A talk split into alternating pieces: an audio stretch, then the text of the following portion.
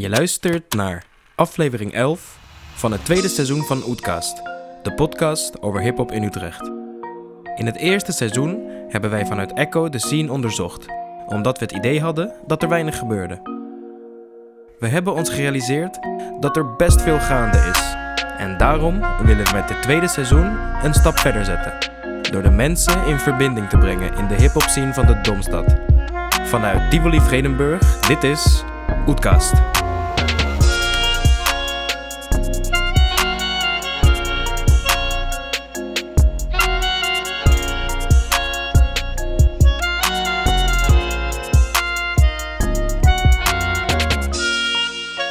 Yes, yes. Goedemiddag. Zijn Hallo. we weer. Of ochtend, Of of, avond. Je weet het niet. Inderdaad. Maar tof dat je luistert.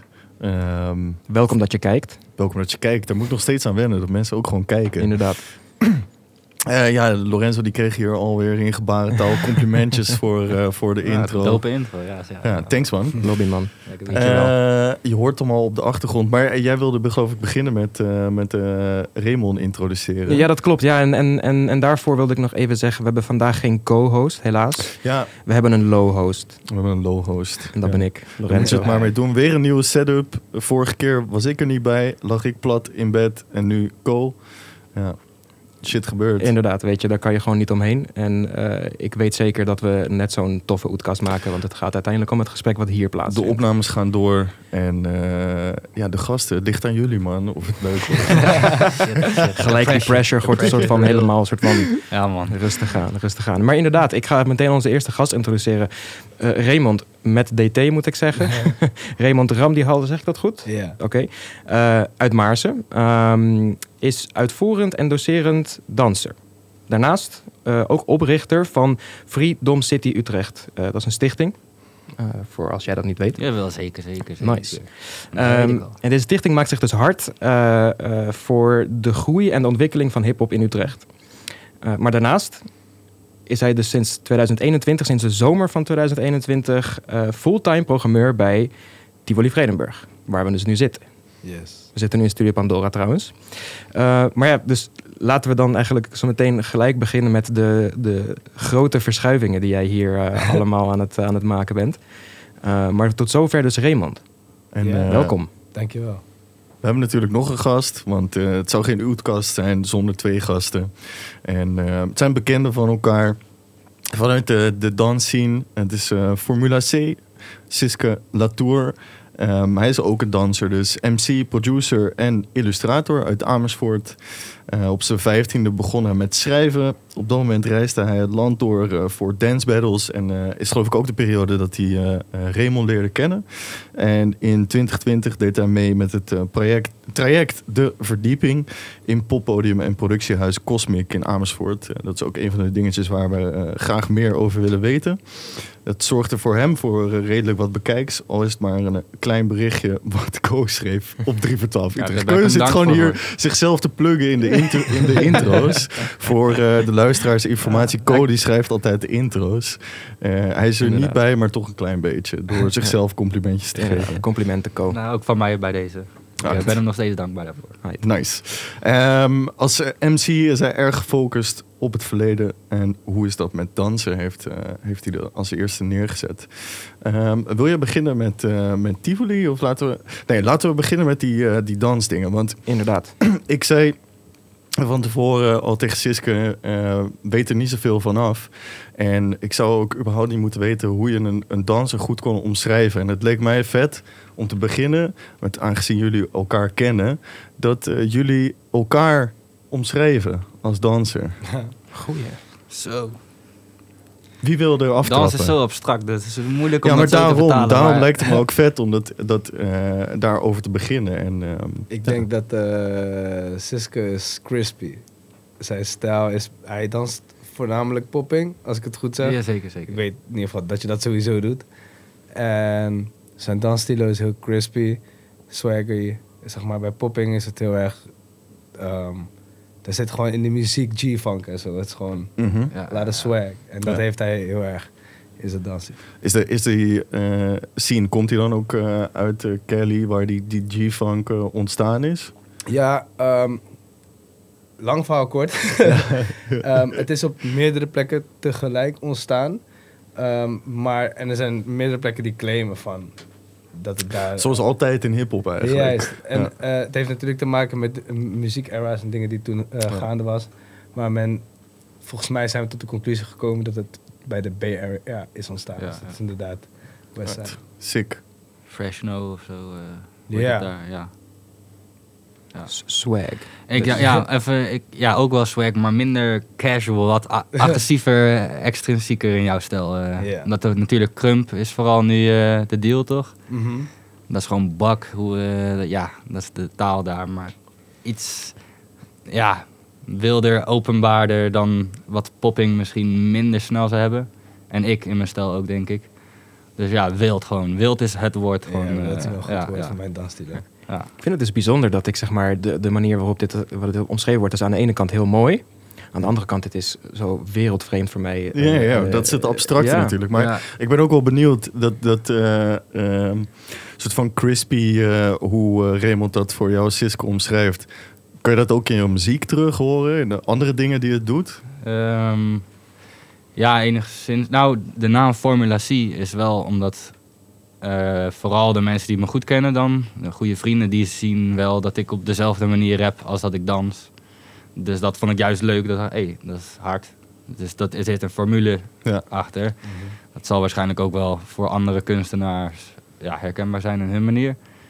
Ja, crispy. Ik, ik weet niet of dat nou letterlijk die popping shit terug te vinden is in mijn rap, maar misschien wel het, het benaderen van ritmes of zo. Mhm. En dat, ja, dat is dan niet per se related aan de poppingstijl alleen, maar Maar wel aan het dansen ja, natuurlijk. gewoon. Ja, ja, hoe ik muziek benader. Juist. Cool. Zowel met dans als met taal. Ja.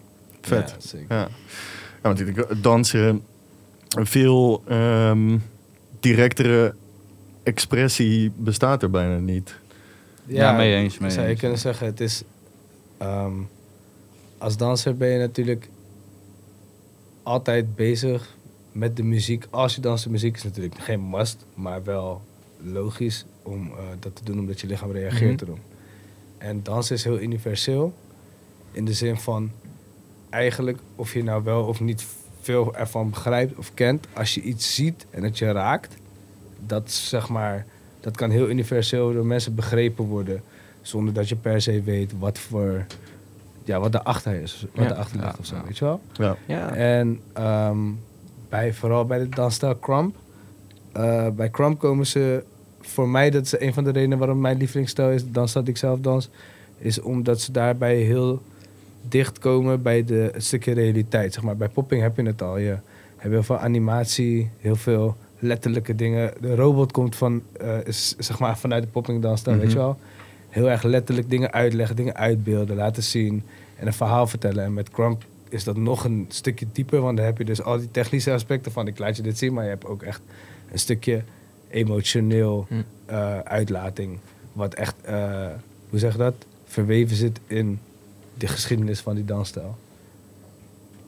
Zeker. En, en ehm, waar komt het dan precies vandaan in die, die geschiedenis? Eh, again, lang verhaal kort. Ehm, Het is een podcast, hè? je mag Ja, best ja, ja, verhalen klopt, vertellen. klopt. Kort verhaal lang. Ja. maar ik ben, ik ben echt soms iets te lang in mijn woorden, dus ik, ik, hou, ik hou mezelf scherp. Een Nee, soort van een reminder voor jezelf. ja, zeg maar. zeker. Nee, ehm, het is dus ontstaan in eh, LA, in de achterbuurten daar. En daar was een concept van eigenlijk waardoor één guy groot was gebracht. eh, en dat was clowning. En dat was eigenlijk, dat waren hip-hop clowns. Dus dat waren mensen die gingen zichzelf schminken en verkleden. En dat begon bij één dude en dat is helemaal uitgegroeid. En ehm, dan gingen ze dansen. En hij deed dat bijvoorbeeld eh, op eh, feestjes in de buurt.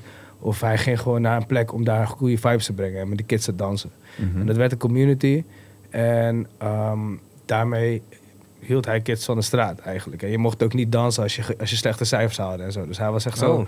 een rolmodel om gewoon wat positiefs te brengen in, een, in de achterbuurten daar waar het een moeilijke tijd was. Ehm, en eh, omdat je jezelf eerst sminkt en eerst jezelf aankleedt, ben je bezig met wie ben ik, Mhm.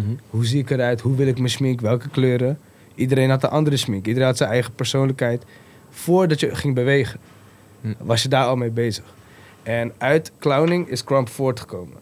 En dat kwam omdat er twee clowns waren die eigenlijk gewoon te ruig waren voor de dingen die ze daar deden. En ook andere voorkeuren hadden voor bewegingen. En die hebben dat eigenlijk eruit getrokken en is er een hele community en een hele stilo en een hele geschiedenis ontstaan. En dat is langzamerhand bij mij terechtgekomen en zo ben ik ermee begonnen. Maar het vette is, wat het nooit verloren is gegaan, is dat uitgangspunt. Het gaat heel erg bij Crump, ehm, is expressie soort van nummer één. Character noemen ze dat, dus gewoon Mhm. da- wie ben je, wie danst ja, er. ja, ja. Maar dat kan dus ook heel fictief zijn. Ehm, dat is het uitgangspunt. En dat is bij heel veel dansstijlen ehm, niet per se zo. Natuurlijk is het altijd voor iedereen expressie. Maar bij Crump is het echt, zeg maar, daar begin je ook. Dus daardoor kan ik er van mezelf gewoon heel veel emotie in kwijt. Heel veel levels van, ja, bijna therapeutisch. Als Mhm, ik eh, mhm. kan bereiken gewoon voor, ja, uitlaatklep. Inderdaad, gewoon echt, echt ook wel fysieke uitlaatklep. Van, van ik, ik, ik ben mijn energie kwijt. Ik ben ook, zeg maar, misschien ben ik boos ergens om of heel erg blij ergens om. Ja, alle En, en, en, en ja, dat is wel. Ik, ik vond het vooral interessant eh, toen je, toen je begon te praten over inderdaad. Hè, het begint al bij het schminken. Het, eh, Mhm. van ik, en ik vroeg me af van. Doe je dan een soort van masker op? Of ben je juist meer op zoek naar eh, juist het tegenovergestelde? Dus Nou, ik denk dat het een beetje van beide is. Kijk, dat, eh, dat schminken is inmiddels vandaag de dag niet meer een must. Hm. Maar het is waar het vandaan komt, maar de character is gebleven. Het is ook niet raar, het is nog steeds gewoon om je te schminken voordat je gaat dansen. Maar het is meer van, dat is niet meer bij Crump een van de basisdingen. Maar als je dat doet, wat ik zeg maar zelf heb gedaan. Dus ik heb een aantal dingen, dat wou ik gewoon proberen. Want ik had niet per se, omdat ik een baard heb toch, is smink niet, niet handig voor je hele gezicht. Dus ik zat een beetje te denken van, ik ben kaal, dus ik Mhm. kan misschien iets met iets gewoon ja, iets hier met een, met een scar of zo. Weet je wel, iets, iets doops om van maken. echt heel theatraal ook wel. Juist, en in dat, in dat proces ga je gewoon checken van wat vind ik hard aan mezelf. Van wat, hoe kijk ik als je jezelf in de spiegel aankijkt, toch? Dat kan soms heel confronterend zijn, maar hier ben je, ga je gewoon een soort van dat proces met jezelf aan. Van, hé, wat nou als ik blauw of rode strepen of whatever welke kleuren of symbolen je daarin kan verwerken, die er gewoon één, één ding voor zorgt, is dat jij beter jezelf Ja. ja. lekker in je vel zit gewoon, zeg maar. Ja. Het is heel erg gewoon... Ja, je, je zet een masker op, maar misschien word je wel daarmee meer jezelf dan in plaats van... Mhm. En voor daar zit ook een valko, hè. Sommige mensen proberen iets te zijn wat ze niet zijn. Valt ook op. Ja, precies. Daar was ik inderdaad naar benieuwd van. Inderdaad, Ja. van waar, waar, waar zit die eh, scheidingslijn dan precies? En, ehm, maar Maar ik, moeilijk, ja. ja, maar ik- Ook met storytelling. In Ja. rap bijvoorbeeld. Ja. Mhm. en, Da- wat, wat maakt dat eh, dan lastig? Nou ja, ik zou best wel. Het, het zou nog steeds real kunnen zijn als ik een storytelling zou kunnen maken over dat ik een, eh, weet ik veel, een serial killer of zo ben. Terwijl dat, voor de duidelijkheid, dat ben ik niet. maar het is wel dope om daar een verhaal en wat is, wat is de gedachtegang. Ja, en-. Ja. Maar ja, dat is dus een personage die ik bedacht heb dan bijvoorbeeld. Ja. Ik vind dat soort shit ook echt super dope om naar te luisteren. Storytelling rap met, nou ja, bizarre verhalen, plot twist, et cetera. Maar de helft van die storytelling raps zijn niet... Zijn misschien deels gebaseerd op een waar gebeurd verhaal. Of helemaal niet. Het, dan gaat het gewoon om de creativiteit. Hm. Dus Ja, ja, of- is het dan nog real? Ja. Ja. Ja, want het is een kunstwerk wat je hebt bedacht. Maar als je claimt dat jij het bent, dan weer niet. Maar ja, waar zit die lijn inderdaad? Ja, heb, je, ja, ja. heb je zo 1, 2, 3 ook een, een voorbeeld van eh, zo'n soort rap? Een track die meteen... eh, Eminem. Eminem inderdaad, sowieso. Het, ja, het A Tug's Love Story is eh, van mijn favoriete storytelling nummer van Cool G Rap. Ja, Heeft drie, drie beats, ja, negen minuten lang. ja. Over dat hij gewoon een vrouw ontmoet en die eh, man van haar is een maffia Ja, je kent die pokoe? Ja, tuurlijk. Bro, het is een koude harde pokoe. Je hebt ook eh, ja. eh. Ik weet niet zo goed hoe je zijn naam Ja, Monch, ja. Ik ben die ook eh, harde. Eerlijk, je schrijft het heel raar, maar Ja. al zijn shit is ook echt op dat ja, niveau. Ja, ja, zeker. Van, eh hoe heet dat nummer? Met die intro dat het kind... eh, ze- Oh, ja. Is met een pistool. Mm, Je hoort ook... eh, When the gun drops... and ja, bij mij komt er eigenlijk iets heel anders. Kan die eh, naam komen? Shit. Dit is een van mijn favoriete pokoes. bij mij komt er eigenlijk meteen iets anders eh, eh, naar boven als, als ik dit, zeg maar, deze beschrijving Ja. zo hoor. En dat, is, dat liet jij mij ooit horen, Cas. Dat, eh, dat, dat hele, dat, die hele opera musical van, van R. Kelly, weet je wel? Oh, Met, eh met de closet, weet je wel? Ik weet niet, ja, je dat is wel een soort van parodische Ja. muziek. Nee, nee. Maar dat is ook, ja, is ook gekke storytelling. Alleen achteraf blijkt dat dus niet zoveel storytelling te zijn, maar wel heel veel inspiratie uit zijn echte leven. Ja, dat is wel een beetje fokt dan. Inderdaad, ja. Ja, dus ik twijfelde ook, maar ga ik het nu? Maar ja, daar, daar ging mijn mind wel meteen naartoe. Nee, maar dat is, dat is vet aan kunst, toch? Dus Ja. eh, je kan gewoon... Je hoeft, niet, eh, je hoeft niet per se te zijn wat je maakt, maar het komt wel bij jou vandaan. Dus Ja, en ik, het ik, is wel vind, te relateren naar jou. ik vind het ook vet Ja. dat ehm, vorige aflevering eh, is het veel gegaan over eh genre-overschrijdend gedrag. Gedrag. En ehm, dat is denk ik iets van eh, de laatste tijd dat je dat steeds meer ziet. En, en Genre-overschrijdend? Ja. Als in fusion, dingen overlappen? Of, Dat onder andere, maar eh, waar ik dan gelijk aan moet denken, wat jij net zegt, van de- de- Mhm. dat is wat kunst is en, en wat mensen bij elkaar brengt. Zo is bijvoorbeeld mijn vader, die eh, is Bob Dylan fan, omdat mijn Mhm. oma ook al Bob Dylan fan was. Ja, En die heeft het dan altijd over eh, de, dat Bob Dylan uit gewoon een, een krantenartikeltje zag en daar een hele pokoe over kon schrijven. Ja, En dat dat gewoon zijn beste hits waren. En ja. het maakt helemaal niet uit ook wat voor, wat voor genre je in zit. ja wat voor inspiratie ook. Waar je Ja. inspiratie uithaalt en, en, en een connectie met elkaar hebt. En weet je wat grappig is wat je net zegt? Van je pa luistert naar bepaalde muziek omdat zijn maat luisterde. Ja. Ik heb met, eh, met vrienden van mij gehad over waar, als je een track hoort, als stel je voor we luisteren allemaal naar dezelfde track, iedereen luistert anders naar muziek toch? Mhm. En dat je dan, ehm, waar luister je als eerst naar? Waar, wa- en is dat terug te relateren naar je muzikale Ja, man. opvoeding? Ik wilde dit, ik, Ik had heb- het meteen in mijn hoofd. Ja. Mattie van mij en ik, onze, onze vaders hebben ons beide één ding als kleinkind gevoerd en dat is Carlos Santana. Mhm. Dus zijn pa liet hem altijd luisteren naar de bassline. En mijn pa liet me altijd luisteren naar orgels die daarin zaten. Hij had altijd een heel verhaal over dat hij een of andere, hoe heet het, eh, de revolutionaire sound had. Met, Ja. Met, ook met die gitaar natuurlijk, maar met de orgels. En dat dat echt zijn shit was. En daardoor, tenminste daardoor, ik luister altijd als eerst naar hoge tonen in muziek. Oh. Omdat ik gewoon, dat, dat is waar ik me comfortabel voel. Ook in dans, als je, da- als je veel danst, dan ga je heel erg muziek ontleden en checken van wat vind je vet, wat, wat vind je nice. En daardoor ben ik daarachter gekomen. Waarbij Gary, die mat van mij, hij zit in de bass. En voor hem is het gewoon, de bass is everything. Ja. En het is gewoon interessant hoe je generation, generationeel beïnvloed bent. En dat niet te ontkennen is, zeg maar, Ja. op een niveau dat je misschien wel zelfs niet eens... Het is ook een beetje het aloude, de aloude hip-hop vraag. Luister je eerst naar de beat of de tekst? Ja, dat is een goede vraag. Vaak Dat- begint het met de beat. Dan is het gewoon, die beat is gedropt, hij loopt en de verse Mhm. komt dan. Maar als je bedoelt vanaf de verse, ik, ja, ik ben er van Ja, je voor bent de een lyrics. rapper, dus eh. ik, ja, ik luister meer naar de lyrics. Maar ja, Ja. de beat, ja, beide is belangrijk, beide is belangrijk. Ik denk dat Cliché antwoord. maar- Ik denk dat als ik dans, dan dans ik sneller op de stem Hm. dan op de beat. Oh. Maar ik denk dat als ik gewoon eh, luister naar rapmuziek, nee, ik weet niet. Ik ben gewoon wel heel erg altijd, eh, als er een rapper op zit, ben ik wel heel erg gefocust op wat er gezegd wordt. Ik heb nou niet echt dat ik dat dan ga, kan vergeten en de, alleen de beat luister. Ja, Natuurlijk dat kan ik dus kun je wel. er wel op focussen, zeg maar. Ja. Maar het is meer van automatisch. Kijk, bij hip-hop gaat het ook om een bounce, toch? Dus als een beat inkomt en precies. je bounce, Ja, juist voor dans inderdaad heb ik dan is dat gewoon gelijk. Dan weet je gelijk van... Ik kan echt naar een gare track luisteren, of de, een gare lyrics luisteren als de beat echt fucking lijp is. Andersom kan ik niet. Nee, Als de tekst dope is, maar het is een gare beat, ga ik niet luisteren. Ja, ja. Luister ik het snap misschien één ik, ja. keer, maar ga ik hem precies. niet Daar wil je het echt voor inhoud dat je er misschien naartoe gaat. Ja, man. En zo verschilt het dus voor iedereen. Ja, Ja. precies. Maar het vet is wel dat je daar dus een hele wel, mooie... ja, ik vind het wel vet wat jij vertelt. Ik heb daar nooit zo over nagedacht. Dat, dat het kan best wel te maken hebben met inderdaad je soort van begin van muziek luisteren. Ja, En- muzikale opvoeding is en denk wie ik heeft je echt... geeducate om muziek te luisteren? Daar hadden we het vorige keer in de vorige aflevering ook heel eventjes over. Over eh, de uitspraak van Maarten dan. eh, ehm, voor een artikel wat hij ooit had geschreven voor Ballin. Toen hij daar eh, werkte. Of stage liep of iets in die richting.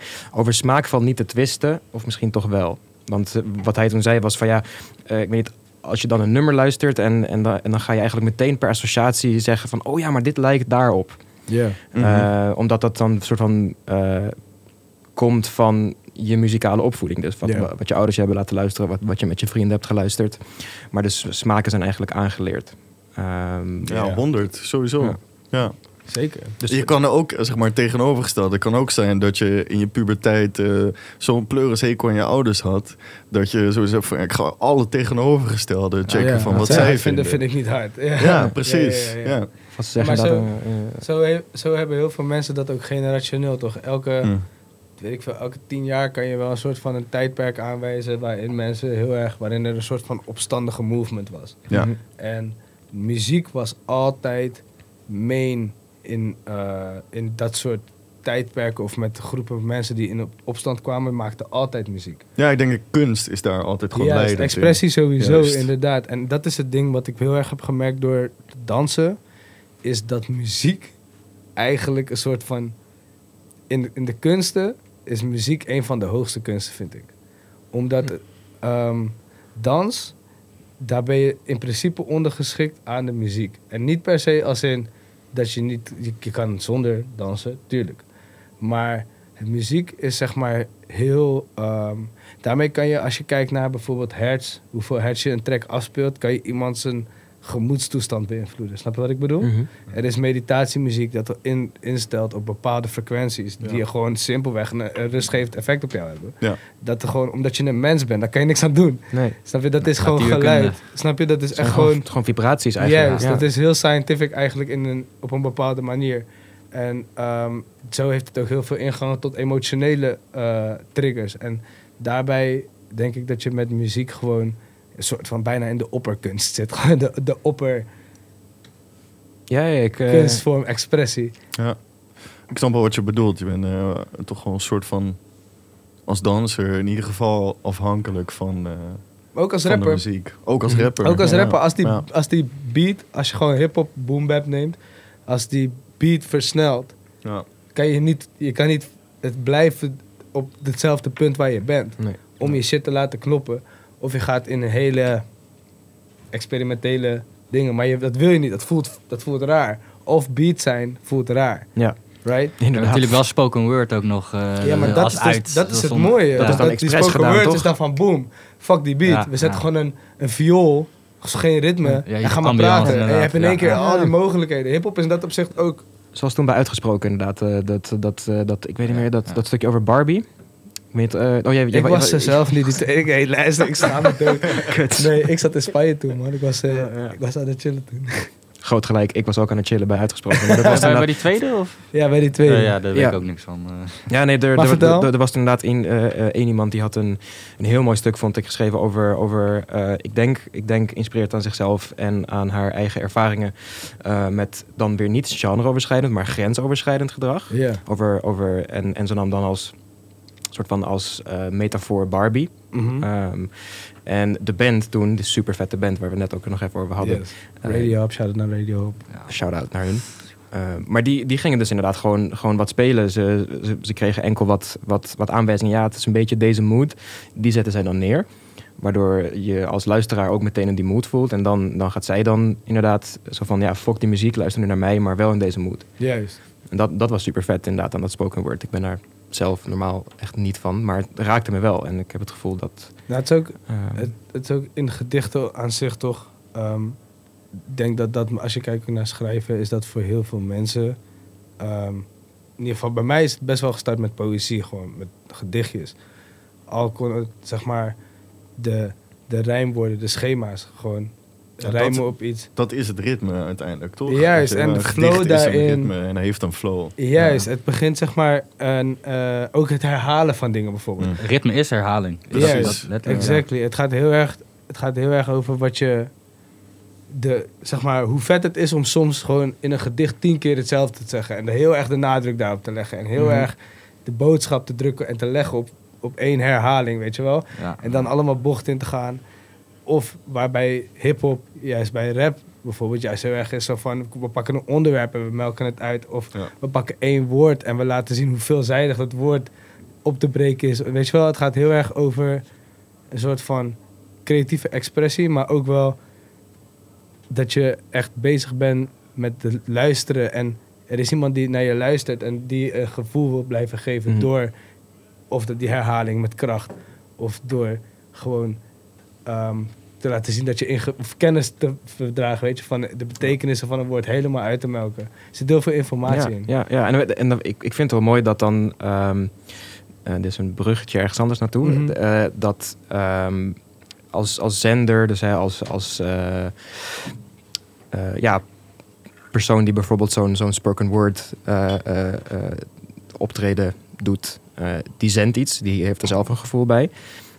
En de persoon die hem ontvangt, elke persoon, daar hebben we het net inderdaad eventjes over gehad, die heeft er een ander gevoel bij. Ja. Maar het brengt dus wel in verbinding. En, dat, en dat, is, dat is dan wel weer mooi. eh, en het hoeft niet zo te zijn dat iedereen hetzelfde gevoel erbij heeft, maar het brengt wel een verbinding. Je kan er dan over praten. Dat is juist goed. En- Als je in ieder geval wel een overlap. Als Ja. het al over de place is, heb je waarschijnlijk misschien niet gedaan wat je eh, zou willen doen. Maar het is wel multi-interpretabel uiteindelijk. Kunst, gewoon in general. Inderdaad. En als het definitief zou zijn, zou het ook een stuk minder interessant zijn. Ja, als het niet open staat voor een, eh, een bepaalde, Ja. een bepaalde inderdaad, interpretatie of iets in die richting. Ondertussen, Dat is echt waarheid. eh, Dat is, eh, echt ja, zo ja, toch, ja. ondertussen is fles is alweer leeg. Ja, want inderdaad, daar wilde ik net over beginnen. En, en, dan, en dan heb ik een, inderdaad een, een andere vraag voor jullie. eh, eh, Casper was ondertussen eventjes eh, voor de kijkers, eh, eh, of voor de luisteraars, even opgestaan om ons glas bij te schenken. Want we hebben deze week weer, of deze keer weer, een, eh, een super lekkere wijn van Sec. Want die waren deze keer Ja, wel man. open. Sec was weer open. En eh, ik heb een, eh, een rode wijn meegekregen deze keer uit Frankrijk. Hoe vinden jullie hem? Is op, Lekker. het is op zich prima wijn. Maar hij is wel heel licht. Hij is heel erg licht, ja. Het is, Ik dacht natuur, dat het rosé was. Maar het is natuurwijn. het is gewoon Eh, natuurwijn, daar is kleur vaak best wel anders dan eh, in die klassieke massa-productie eh, wijn. Ja, want wat is dan eh, zo mooi aan natuurwijn, Casper? Eh, dat het een craft is, man. Dat is het ding. Eh, zoals muziek maken een craft is. Dat is ambacht. En, en eh, Mm. jij had het over tegenbewegingen. Ik, eh, dit is letterlijk waar ik het vandaag met, eh, met Elmar van, uh, shout-out naar Elmar, eh, van eh SEC over heb gehad. Dat ehm, die natuurwijn die komt uit zo'n gebied in, eh, in Frankrijk. Weet, dit wordt echt een hele, even een segway hier. Eh, komt uit zo'n gebied in Frankrijk. En dat heet Beaujolais. En ehm, dat is een gebied waar zoveel massaproductie van wijn was... dat de grond op een gegeven moment veel te duur werd... en dat eigenlijk niemand meer eh, eh, kon betalen... behalve megabedrijven. En eh, toen zijn er een paar wijnmakers daar eh, in opstand gekomen... als het ware tegen de gevestigde orde... tegen alle regels die er zijn in het maken van wijn. En dat is natuurwijn. Het is hip-hop wijn. Inderdaad. Maar no, oh shit. no joke, dat, dat is hip-hop. En Dit daarom vind ik natuurwijn ook eh, echt passen bij deze podcast. En dat is zo, hè. Ik zeg je eerlijk, hip-hop is gewoon... Daarom, dat is ook het vervelende aan hip-hop, omdat het ever-changing is. Ja, Omdat het altijd gaat over wat is nou de huidige opstand, zeg maar. precies. Waar gaan we tegenaan schoppen? Ja, nou ja, ook maar, maar ook letterlijk een, een, eh, een spiegel van de maatschappij of zo. Ja. Van, ehm, de, heel, veel, heel veel dingen die je in hip-hop wel of niet kan zeggen. En met, als ik trouwens, als ik zeg hip-hop als cultuur, Hm. is iets anders dan hip-hop als muziek. Ja, Eens. Want hip-hop als muziek, dat, is, dat heeft gewoon kaders. En je hebt dingen die zijn niet hip-hop en je hebt dingen die zijn wel hip-hop. Maar als je kijkt naar hip-hop als cultuur, het is gewoon een attitude. ja, maar het is ook, zeg maar, als je het eh, muzikaal ziet, dan vallen in de hip-hop cultuur in één keer heel veel muziek, verschillende muzieksoorten, zoals trap, zoals drill, wat hip-hop influenced is, maar niet hip-hop is van zichzelf. Maar wel bij de cultuur wordt, weet je wel? En die, een van die dingen van die cultuur is, is dat het altijd het geluid zal zijn van de opstand. Van het gedeelte waar men liever niet naar kijkt. Als je kijkt naar wat, wat bijvoorbeeld veel met drillmuziek Ja. onderwerp is, is van ehm, de, de inhoudelijke dingen die er gezegd worden, dat dat gewoon een soort, als je, als je het vergelijkt met het nieuws, gewoon het nieuws is wat men liever niet over wil praten. Want die dingen gebeuren, weet je wel, bepaalde dingen over criminaliteit waar men liever niet naar kijkt. Dat is zeg maar dat, dat, dat uitlaatklep wat hip-hop geeft, maar dat is een soort van ever-changing. Ja, maar net als eh, dat je in de 90s, eh, begin 90s zeker, heb je weet ik veel hoeveel tracks uit, uit New York die over crack gaan. Ja. Het is een reflectie van Ja. de samenleving op Ja, dat maar hip-hop is altijd gegaan over, over dealen. Ja, precies. En dat is niet omdat Ja. dat rappers eh, dat willen promoten, maar Ja. omdat ze vertellen what's real. Zij vertellen wat er gebeurt. Ja, en er is wel natuurlijk een stuk promotie uitgekomen. Hè? Ik Zeker bedoel, laten we heel eerlijk zijn Ja. dat er natuurlijk ook heel veel misinterpretatie is van dat. Maar er is heel erg. ehm, er is een ding wat ik. eh, een rapper uit eh, UK, Ambush. En ik. Het, er is één zo'n eh, live sessie van hem. En dan doet hij een track, een soort freestyle. En hij, hij, hij zegt de hele tijd één ding. En hij zegt real life. Gotta let man know. Dus gewoon zijn, zijn... Wat we net hadden over die poëtische shit. Dat je iets Mhm. herhaalt, toch? Dus hij, hij rapt, hij freestylt. En hij zegt allemaal over shit dat hij heeft meegemaakt. Of dat die shit nou echt is of niet, hè. Ehm, dat hij eh, in Jella zat en met drones en, en mensen omkocht. En met drones alsnog drugs dealde en zo. En dat is inhoudelijke dingen, of het nou waar, is, of niet, is de boodschap die hij erin legt, is real life. Gotta let men know. Zo van, de dingen die ik nu vertel, waar ik me op focus, wat, wat ik jullie laat horen, is gewoon een gedeelte van life, wat jullie liever, liever niet zien. En dat is ook wel die, die, die, die functie van hip-hop cultuur. Is gewoon echt een spiegel zijn van. Als je alles wat in die hip-hop cultuur zit, dus kun je gewoon over dat tijdperk. Kan je, je dat vergelijken met de maatschappij. Van hoe de Ja. maatschappij op dat moment. Het is een reflectie inderdaad. Het is echt een Ja, reflectie. Ja, ja, ja, ja. Ja, en over reflecteren gesproken. Ehm, ik heb het hier eh, kort voor de uitzending eh, of opname al eventjes met Cisco over gehad. Je hebt aan eh, een project van Cosmic in Amersfoort meegewerkt. De verdieping. Cosmic. En eh, de verdieping is een, eh, een project wat... Nou, de basis was reflectie, vertelde je mij. Ja, het was eh, best wel eigenlijk abstract in het begin. We werden bij elkaar gerapen, als het ware. Shout-out naar Koen Witteveen en Ja, Bobby Little man. John. Cool. Die eh, hebben dat echt in gang gezet. En ehm, ik heb daar al een keer eerder mee gedaan met een ander project, Elevator. Uiteindelijk, nou ja, de verdieping, Elevator. Dat Ja. is, het, dus het is ook wel verwant aan elkaar, maar het zijn wel twee aparte trajecten geweest. En ehm, we moesten gewoon allemaal als individu gewoon in de spiegel kijken eigenlijk. Zo simpel was het. Eh, althans, zo simpel was het. Het was best wel moeilijk eigenlijk. Ja, dat is niet makkelijk, Nee, en het omdat- heeft een jaar geduurd ook. En eh, uiteindelijk, wat ervan is gekomen, is eh, best wel iets exclusiefs geweest. Dat kun je ook. De, de show, de live show kun je niet meer vinden. Die heeft even op YouTube gestaan. Maar ja, dat is, ja, je had er dus een soort van bij moeten zijn. En, en dat hele weekend werden, werden de interviews gedaan. En dan had je een eigen hokje. En dan had je een expositie wat in het thema stond nog van reflectie. Maar ieder hokje was wel gewoon totaal anders. Iedereen, de ene was ook een producer, de andere een danser. Eh, de andere, in, ik was in dat geval toch wel de rapper vooral. eh, dat was de rol die ik gekozen had, zeg maar. Maar ja, dat is echt wel een gaaf eh, traject om aan mee te doen in ieder geval, ja. Wat, wat, ehm, wat betekent Cosmic voor, voor Amersfoortse rappers?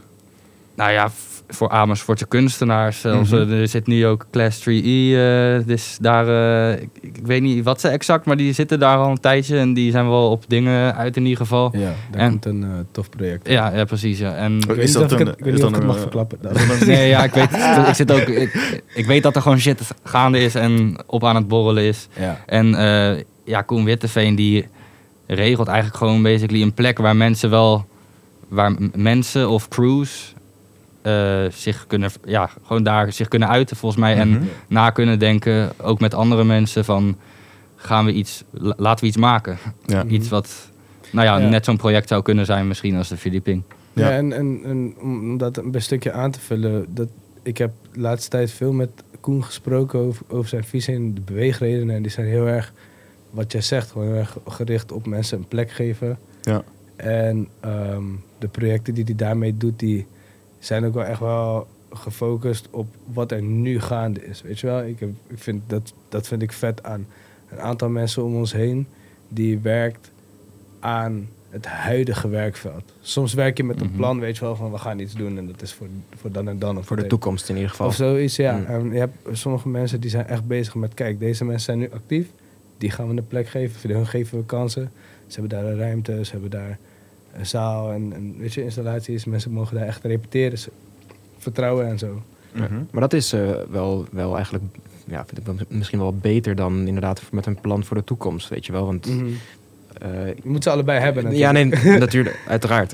uiteraard. Maar ja, ja, maar eh, nu heb je natuurlijk mensen die dat nodig hebben. Er zijn mensen die inderdaad een ruimte nodig hebben of die een podium nodig hebben. Juist. Eh, en voor de toekomst, weet je, als de, laten we zeggen, de, de, de generatie tussen aanhalingstekens die er nu is, als die het maakt, als het lukt om, eh, om, om, om het doel wat ze hebben te behalen, dan kan ik me voorstellen dat er dan andere mensen zijn die misschien jonger zijn of, of die het nog niet doen of die het nog niet durven, die dan geïnspireerd raken. Ja, dat zeker. Ik vind het ook wel eh, interessant als je wat jij vertelt over Cosmic als plek voor talentontwikkeling. Ik denk dat je in Utrecht met, eh, met Echo eh, ook een plek hebt die heel expliciet zich uitspreekt als een, een podium om talent te ontwikkelen. Mhm. En eh, nou voel je hem al aankomen, denk ik. Raymond, jij bent programmeur bij Tivoli, maar je bent er ook om ehm, een, ja, meer connectie te creëren met, met eh, jonger publiek. En in ieder geval publiek wat nu nog niet eh, aangeraakt wordt. En nou ja, ik zie dat ook al deels als... eh, of tenminste, ik ben benieuwd hoe je dat zelf ziet. Mhm. Ehm, is dat ook een van de dingen die je hier wilt gaan creëren? Een Tivoli als plek, Tivoli Vredeburg, ik moet goed zeggen, Kan als plek voor talentontwikkeling? Ehm, Jazeker. Ehm nou ja, om te beginnen is dat denk ik ook wel een van de eh, dingen die het meest interessant is van dit tijdperk. Is er is een hele duidelijke movement gaande wereldwijd van een besef van een stukje inclusiviteit, een stukje ehm, vrijer denken, eh, minder hokjes, meer voor gelijkheid ook voor LGBTQ plus al dat voor ehm, kleur, mensen van verschillende kleuren en, en dingen, weet je wel, dingen zijn gaande. En ehm Tivoli eh, doet al heel erg lang ehm, heel erg goed wat ze doen. En die zijn nu ook in de afgelopen jaren een slag gaan maken op gebied van inclusiviteit. Op gebied van, wat je zegt, breder programmeren. Mensen eh, bereiken die nog niet bereikt werden. Want wat hier eigenlijk centraal staat, is dat wat je hier ziet en wie hier komt en wat je hier hoort, dat het een, in de eerste instantie een weerspiegeling is van de stad. Ja. En, en de provincie, misschien wel provinciebreed. En natuurlijk internationaal, nationaal, is altijd ehm, sky's the limit. Maar ehm, dat is zeg maar de, nu de huidige doelstelling die we proberen te bereiken. Mhm. En ik denk dat een groot onderdeel daarvan is dus ook, het- omdat het daarin gaat, is het dus inderdaad een band creëren met verschillende, ja, soms zijn het verschillende cultuurgroepen, soms zijn het verschillende wijken, soms gaat het om een muziekgenre of een cultuur. Ehm voorbeeld is de hip-hopcultuur. Een, een cultuur waarin, als je het over Tivoli Vredenburg had, een jaar geleden, twee jaar geleden, dan kwam daar een soort van een frons en een.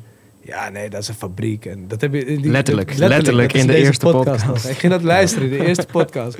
Dat had jullie nog nooit gehoord. Ik dacht, De nou, lopende band. ik moet die shit even luisteren. Ik zet die eerste podcast aan. En ik hoorde het, ik weet even niet meer wie het Ja, zei. ja, dat was Koentje Sosa was dat. ja, ja, ja. Maar, hij zei gewoon, ja, maar hij zei gewoon heel eerlijk. En het was eerlijk. Ja. En de grap is, hier is daar weer een heel ander beeld van. Mm. En dat is helemaal niet erg. Want als, kijk, als Steve Vredenburg, je bent mega. Je bedient heel veel mensen. En je probeert iedereen te bedienen. En laten we eerlijk zeggen... Als je het ooit een keer hebt geprobeerd om iedereen je leven gelukkig te ja, maken... dat gaat niet. Dat lukt niet. Zo, waar wat, wat vet is, is dat er, ehm, dat er heel veel toekomst zit in die manier van denken. Het gaat niet zozeer over welke mensen er nu bereikt moeten worden. Het gaat meer over de manier van denken Ja. waarin je breder denkt dan, connecties zoekt met en ehm, ja, eigenlijk gewoon altijd eh, open blijft staan. En ik, dat, dat is een heel vet onderdeel van waar ik nu in mijn baan onderdeel van uitmaak maken Ja. om dat te creëren. Ik vind het wel interessant wat je zegt, want ehm, laatst toen ik met eh, Lorenzo en Co. ehm, met de voorbereiding eh, bezig was, hadden wij het ook over. nou, wat is nou een soort van de kern van de, die missende connectie met eh, mensen uit Overvecht en, en mensen uit Kanaaleiland? En, en mijn idee daarover. En de, en de, als Of ik mensen jou zo uit Amersfoort. of, nou, dat kan ook. Maar in, in dit specifieke geval, eh, mijn idee daarover Ah. komt een beetje overeen met wat jij net zei. Ik denk dat het veel meer een breder maatschappelijk probleem is dan Super. per se het probleem van Tivoli-Vredenburg. Exactly. Het is gewoon een probleem van gentrificatie. ja.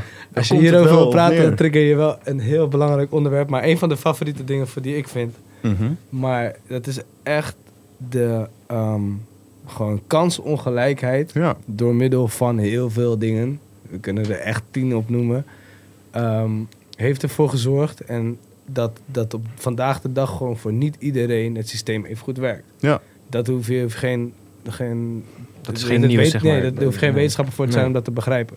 En toevallig is de groep waarvoor dat minder, waarvoor die kansen minder zijn, is te definiëren op kleur, op eh, afkomst en ook op de geschiedenis van een plek. Hè. Dus ja, dat is dus niet toevallig. Dat nee, is juist het, is, het nee, hele maar het, is, probleem. het is dus niet toevallig, maar het is wel een. ehm, laat ik het zo zeggen, dat maakt het echt een mega ding Ja. om het op te lossen, zeg maar. En je denkt dat je ook één ding wat je niet moet willen is iets oplossen wat een probleem van de wereld is. Je moet vooral denk ik zelf dingen anders doen. Ja, vooral heel lokaal, denk ik. Zeg maar, je, Ja. je, je kan niet het hele probleem van de ik hele denk wereld nog lokaler. lokaal beginnen. Ik denk nog lokaler bij jezelf. Ja, nee, dat, dat is maar- natuurlijk... Ja, Ja. begint het, ja. Ik heb heel veel ehm, eh, met movements als Black Lives Matters en eh, ook dingen over seksueel misbruik die nu topics zijn waar het heel, heel belangrijk is om het over die dingen te hebben. Maar we moeten niet vergeten dat we in een tijdperk leven waar media bepaalt wat je, wat je eet. dus je bent consument, ze voeren jou bepaalde informatie. En het ehm, is, je bent zeg maar met die topics bezig. En je kan ermee bezig zijn door iets erover te zeggen of iets over te praten of te posten. Maar ik ben ook een vader. En voor mij is het ten alle tijde het belangrijkste. Wat leer ik mijn zoon? Mhm. Ik kan heel veel dingen roepen en posten en zeggen en doen. Maar ik heb, en de volgende generatie is bij mij. Snap wat ik bedoel? En dat is denk ik waar, als jij op jezelf focust en op jouw acties, jouw daden, uit welke beweegredenen we- beweeg je zelf, dan ben, maak je al eigenlijk een verschil van iets van wat je verspreidt in je omgeving. Oh. Het komt neer op die manier van denken waar je het net ook al over Ja, had. en ook een gesprek hebben met mensen. Ja. Aangaan. Ja. Hoe denk jij erover? Want niet iedereen denkt Dat is hetzelfde. het belangrijkste. Je kan te kunnen schreeuwen van alle kanten, maar je moet met elkaar in gesprek. Dan, dan kun je een overeenstemming krijgen. Dat is al het belangrijkste. Ja, en ik denk ook dat, dat mensen niet moeten vergeten dat eh, je niet altijd moet proberen iemand te overtuigen Ja. van je eigen mening. Dat het als jij. eh, het is soms veel interessanter om een vraag te stellen dan je eigen Ja. mening te gaan geven. Ja, ik, Van, waarom denk ik jij zo? Of, of, of, of, ik ben al meer fan van een discussie dan van een debat. Dan heb je misschien wel een standpunt in het begin, maar Ja. hoef je daar niet mee te eindigen. ja, precies. ja. Ja. Oh, dat is dope. Mooi Ja, gezegd, ja, gewoon, ja, Ja. Ja. Ik, ik vind dit, maar je komt nu met dit punt. Oh shit, zo heb ik Ja, er nog naar gekeken. Easy as that. Ja, ik, ik wil hier eigenlijk nog wel iets eh, verder op doorgaan. Ja, ik vind het een super interessant onderwerp. Ehm, Raymond, jij hebt best wel lange tijd eh, van allerlei verschillende subsidies eh, geleefd. Nog steeds. Nog steeds. Ja. En ehm, ja, waar we het net over hadden, ehm, hoe gaan we, en dan bedoel ik dus echt, eh, hoe gaan wij dat nou voor elkaar krijgen? Dat die subsidies terecht gaan komen bij die mensen waar we het net over hadden. Stel je leuke vragen. Ja.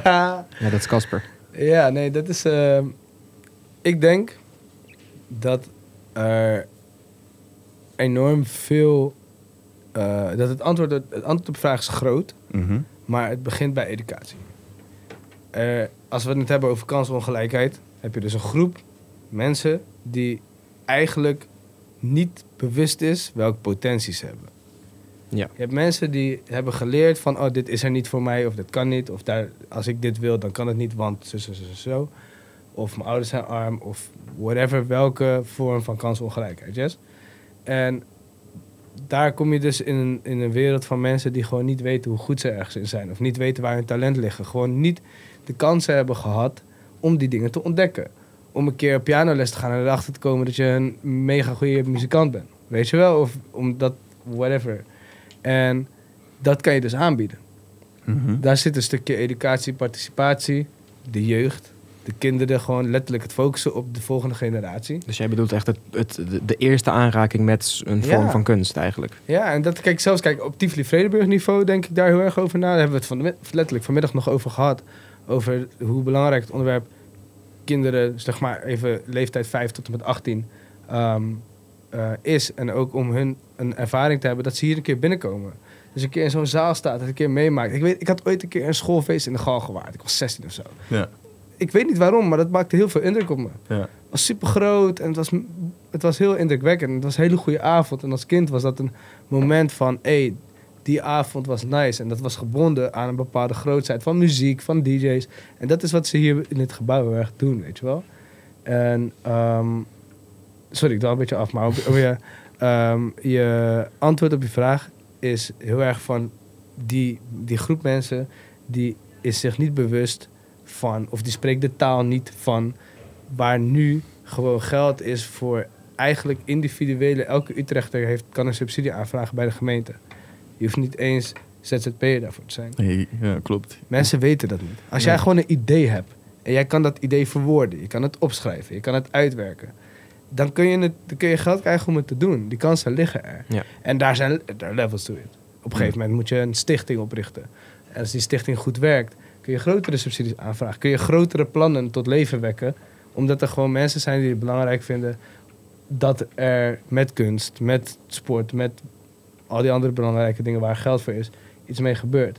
Maar voor heel veel mensen, de taal, de taal die je in een subsidieplan schrijft, dat is gewoon zeg maar 40 plus wit hoogopgeleide taal. Ja. Dus- en dat moeten we nog vertalen. Die kennis Ja. is nog niet gegeven aan Mm. die, aan die kans, die groep Aan de- mensen die dat Ja. nog niet weet. Ja. Aan de andere kant vind ik ook, eh, ik ben het helemaal met je eens wat je nu allemaal zegt, maar ik vind ook dat op die plekken bij de provincie en bij de gemeente ehm, te veel witte 40-plussers zitten. Maar daar begint het. D- dat is ook gewoon een onderdeel van het probleem. Ja. En ehm, ja, daarom vind ik eh, eh, Vuur, waar we afgelopen week een, eh, een toffe meeting van hebben gehad en ook een klein evenementje aan, vast hebben gehad, ook zo'n vet project. Ja, shout-out naar Want- Hanna en shout-out naar Darin. Precies, omdat zij echt heel bewust bezig zijn met ehm, ja, letterlijk die vraag stellen van wat mis jij? Wat heb je nodig om je plannen te gaan realiseren? Dus als je nu zit te luisteren en eh, je wilt iets op gaan zetten, stuur gewoon een bericht naar Vuur Yes. Online. Vuur met drie U's, Punt online. punt online. Eh, zij zijn er voor je. Zij, Hanna en daarin eh, zijn er om eh, nieuwe projecten op te gaan zetten, mensen te gaan begeleiden. Ehm, al is het maar een beetje eh app-contact, weet ik het. Ik denk dat het je al een, eh, een duwtje in de goede richting kan Zeker. geven. En naar mijn idee ook wel om een, om, een, om een netwerk wat zich nog niet vindt samen te brengen. Ja. Ja. Ja. Om het even, om het even ook aan te vullen, wat, wat met vuur op dit moment ook echt het belangrijkste is, is zij willen weten wat er nodig is.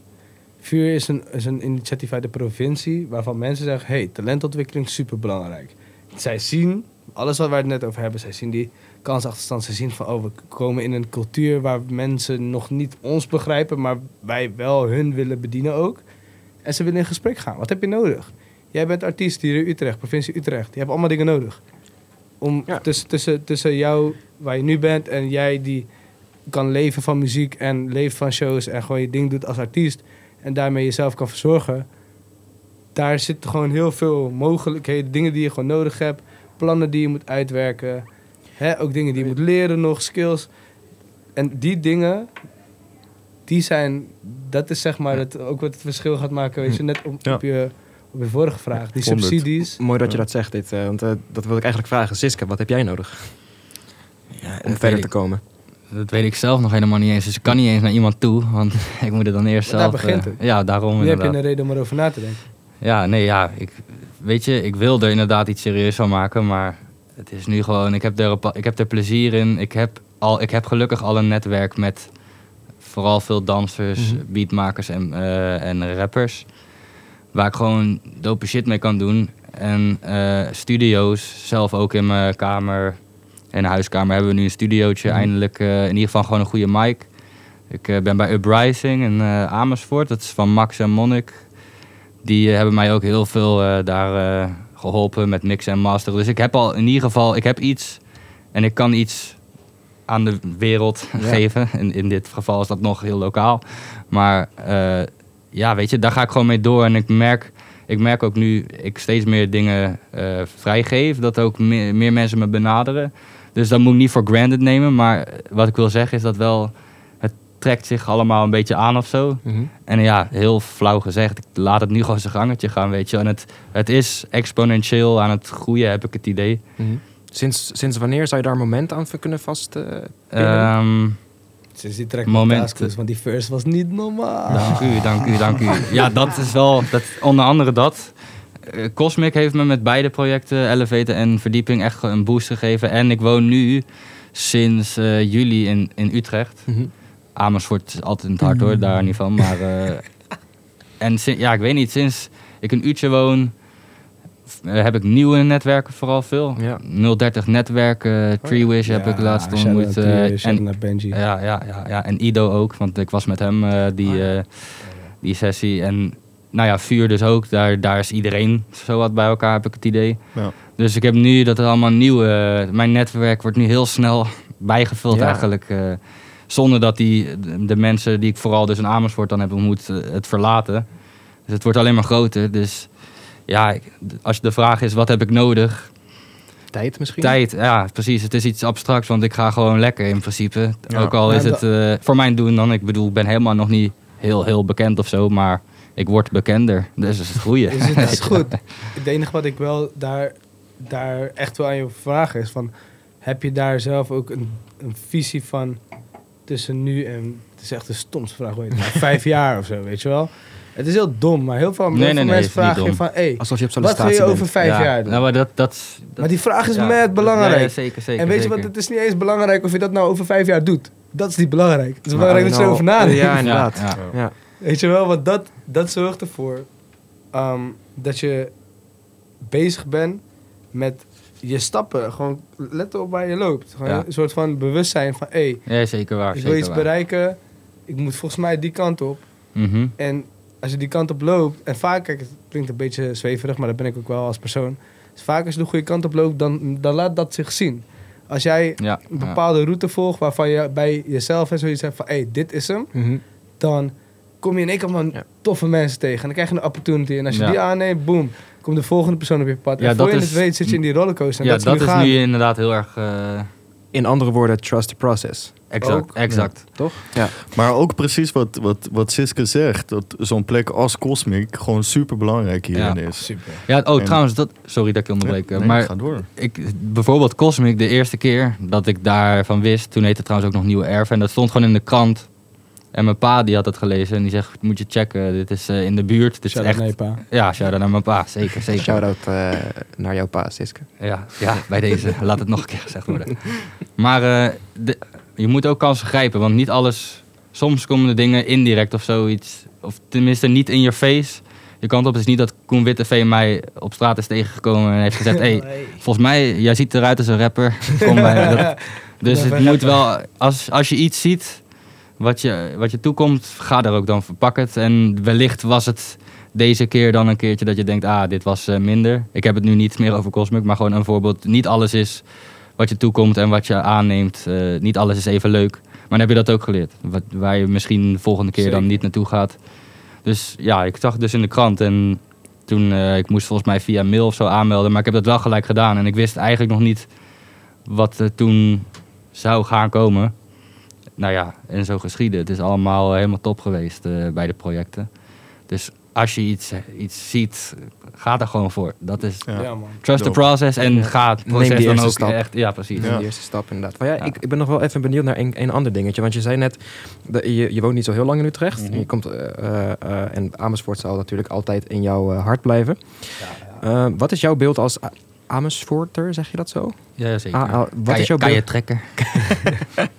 Wat is jouw beeld als Amersfoorter van, van eh, de Utrechtse hip-hop scene of community of cultuur? We hebben het de hele avond over cultuur. Ehm, ja, nou moet ik zeggen, ik ben niet eh alwetende persoon, eh, maar ik heb het idee dat het best wel eh, in deze tijd op elkaar lijkt of zo. Ik, tenminste, waar, wat ik nu meemaak in Utrecht is ook van, ah, dope, dit is ook gewoon wat in Amersfoort in, in een way gaande is. Ik heb het idee, maar dat kan ook komen dat we nu twee vuur edities gehad hebben waar echt alles gewoon ineens bij elkaar was. Dat het Ja. gewoon groter is. En Utrecht is ook gewoon een grotere stad. Maar het is voor het eerst volgens mij, hè? Dat, Ja. dat, het weer, dat die Ja. Amersfoortse, Utrechtse gangs Ja, ja. samenkomen en zo. En zo. Dat is Ja. echt super vet. Maar ik weet niet, misschien Ja. zijn ze, misschien zijn ze in het verleden wel, wel eerder Ja, ik wil niet zeggen dat Utrecht per se groter in hip-hop. Dat, dat durf ik ook Nee, niet te zeggen. Want ik heb wel vaardigheid, DAC, Nedertoon. Dat zijn Amersfoortse legendes die Ik echt dat hier dat- heb zitten. Amersfoort in de Nederlandse Heel belangrijk. scene eh, in het algemeen een veel grotere plek heeft veroverd dan Utrecht door de jaren heen. ja, als je naar de geschiedenis kijkt, denk ik ook. eh, Ja, maar maar ik kan, het wat- nu niet, ik kan niet zeggen van nu. Dat is, te- dat is Ja. ook te moeilijk eigenlijk. Ja. Vaak weet je ook iets als het achter je ligt. Misschien Ja, ik- een betere vraag dan, sorry. Nee, sorry. Ehm, wat is je eerste indruk dan? Ja, het is gewoon... Het, eh, Utrecht ademt hip-hop ook gewoon. eh, en ik heb het idee dat misschien rappers meer met elkaar ook zijn eh, dan in Amersfoort. Is het misschien iets meer eilandjes of zo. Oké. Alhoewel, Amersfoortse rappers connecten zeker hoor. Ik heb eh, met Siam Wukong, eh, eh, Monnik... eh, Shout-out. Ja, zeker. Shout-out naar beide echt bizarre MC's. Dus het is niet dat het zo zwart op wit is. eh, maar ik heb het idee... Om, misschien omdat Utrecht ook gewoon een wat bruisendere stad is... dat het ook makkelijker misschien... Ja, ja, ja jij moet dat corrigeren. Nou hè? Jij weet beter dan ik. Maar ik Nee. heb het idee dat MC's hier makkelijker connecten. Nou, ik denk dat voor MC's zelf, dat, ik heb afgelopen jaar sinds dat ik programmeur ben bij Tivoli Vredenburg, tien gesprekken gehad bij wijze van spreken met verschillende Utrechtse partijen. En iedereen zegt hetzelfde. Iedereen zegt hip-hop in Utrecht, de provincie breed, is niet connected. Dus die eilandjes die je voelt, die zijn, dat is terecht. Ja. We hebben het net nog over. Vorige keer ehm is een interessant onderwerp, de agenda. Data, dingen op dezelfde dag doen. En, en als je ze dan op dezelfde dag doet, versterkt het elkaar weer, ja of nee? Ehm, die eenheid, die is er niet per se in Utrecht. En misschien wel heel veel plekken niet. Hè. Ik, kan, me- ik kan me niet voorstellen dat ze in Amsterdam met z'n allen elke week eh, om de Nee. tafel zitten. Snap wat ik bedoel? Mhm. Maar die, de kracht die je uit eenheid op die manier haalt, die is denk ik wel heel groot. En dat is de movement wat nu gaande is. En ik denk dat je dat heel erg goed voelt. Ehm, vuur is daar een onderdeel in. Ehm, ik denk dat corona daar een heel belangrijk onderdeel in is geweest. Heel veel mensen die zijn teruggevallen op muziek. ehm, of begonnen met muziek. Of hebben zoiets gehad van ja, van hé, no man, dit is het niet, weet je wel. Als ik thuis zit, waar moet mijn creativiteit heen, Mhm. et cetera. En veel mensen zijn die periode ook uitgekomen in een bepaalde motivatie van het is tijd om te doen wat ik wil doen. En Een ja, podcast maken. ja maar for bijvoorbeeld. real, Ja, no, no joke, het is wel waar. het is zo, toch? Ja. En dat is ook het gesprek wat wij hadden, wat wij vaker hebben, is van waar gaat het heen?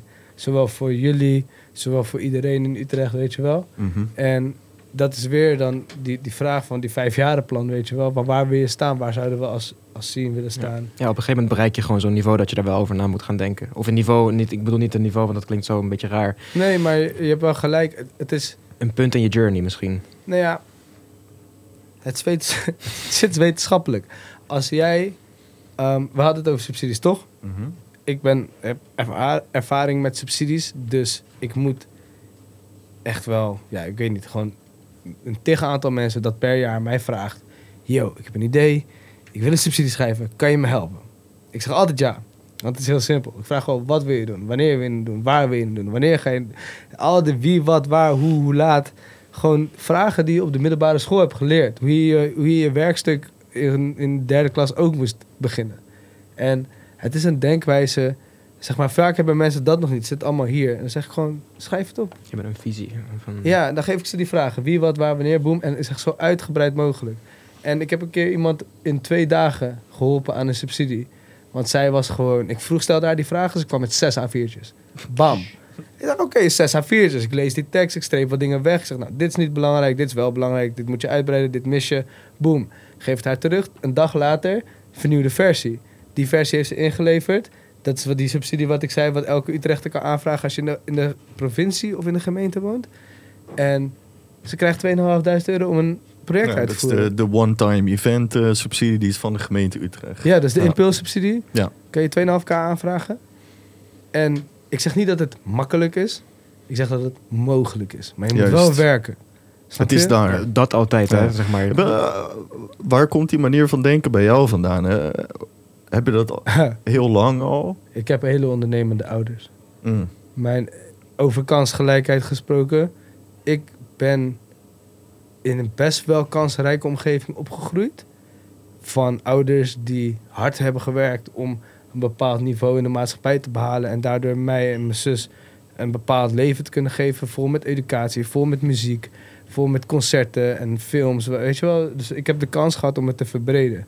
En mijn pa is een ondernemer. Dus hij heeft mij gewoon... Hij leerde mij belasting te betalen door mijn friet te jatten van mijn bord.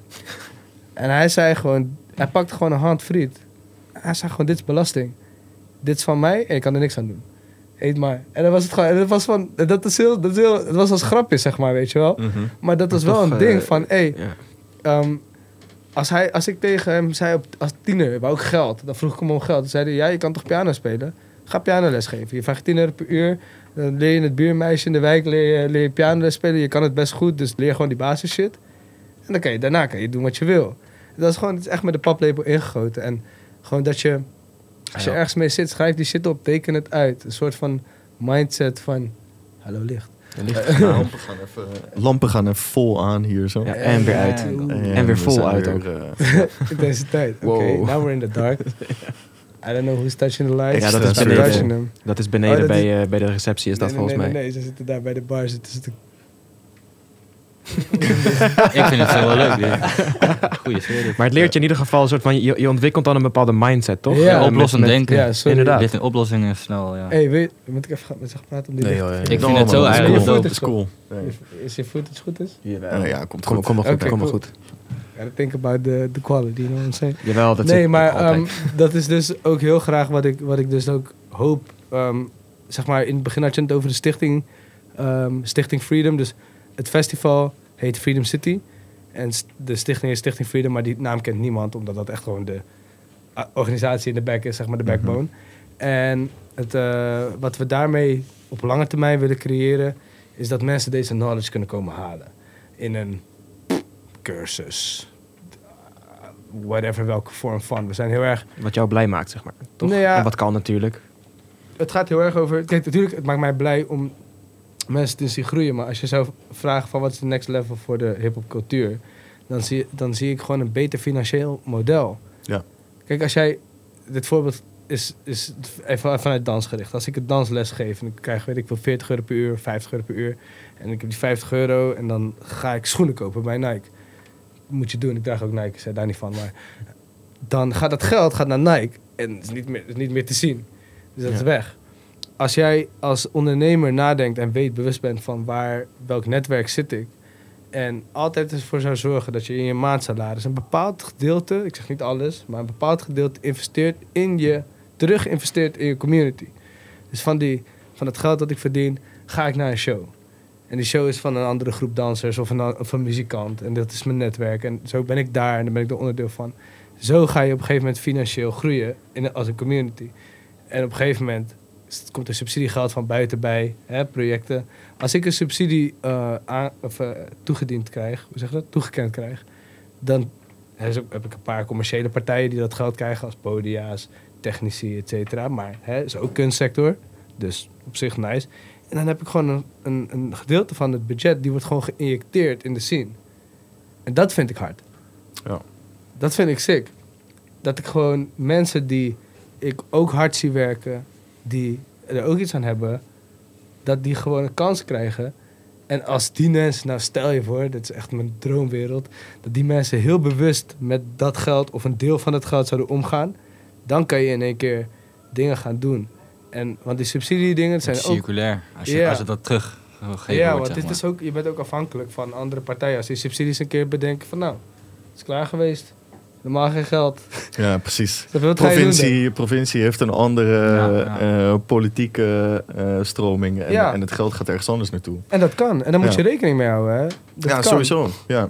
Dat is ook een van de dingen die Hanna zelf aangaf. Weet je. Dit is er voor een jaar. eh, en dan is er jaar. wellicht een andere politieke stroming. En dan kan het zomaar weer heel anders zijn. Maar ook los van die politieke stroming. Ja. Je moet die shit zelf dragen. En dat is Ja. wat Vuur hoopt te doen. Ze hopen te komen, onderzoek te doen, iets te leveren. En daarna dat te, te, te modereren. Weet je wel, ervoor te zorgen dat een website up-to-date is. Of bepaalde dingen van bijhouden. Maar dat het daarna wordt gebruikt en gedragen door de community. En ik denk dat dat...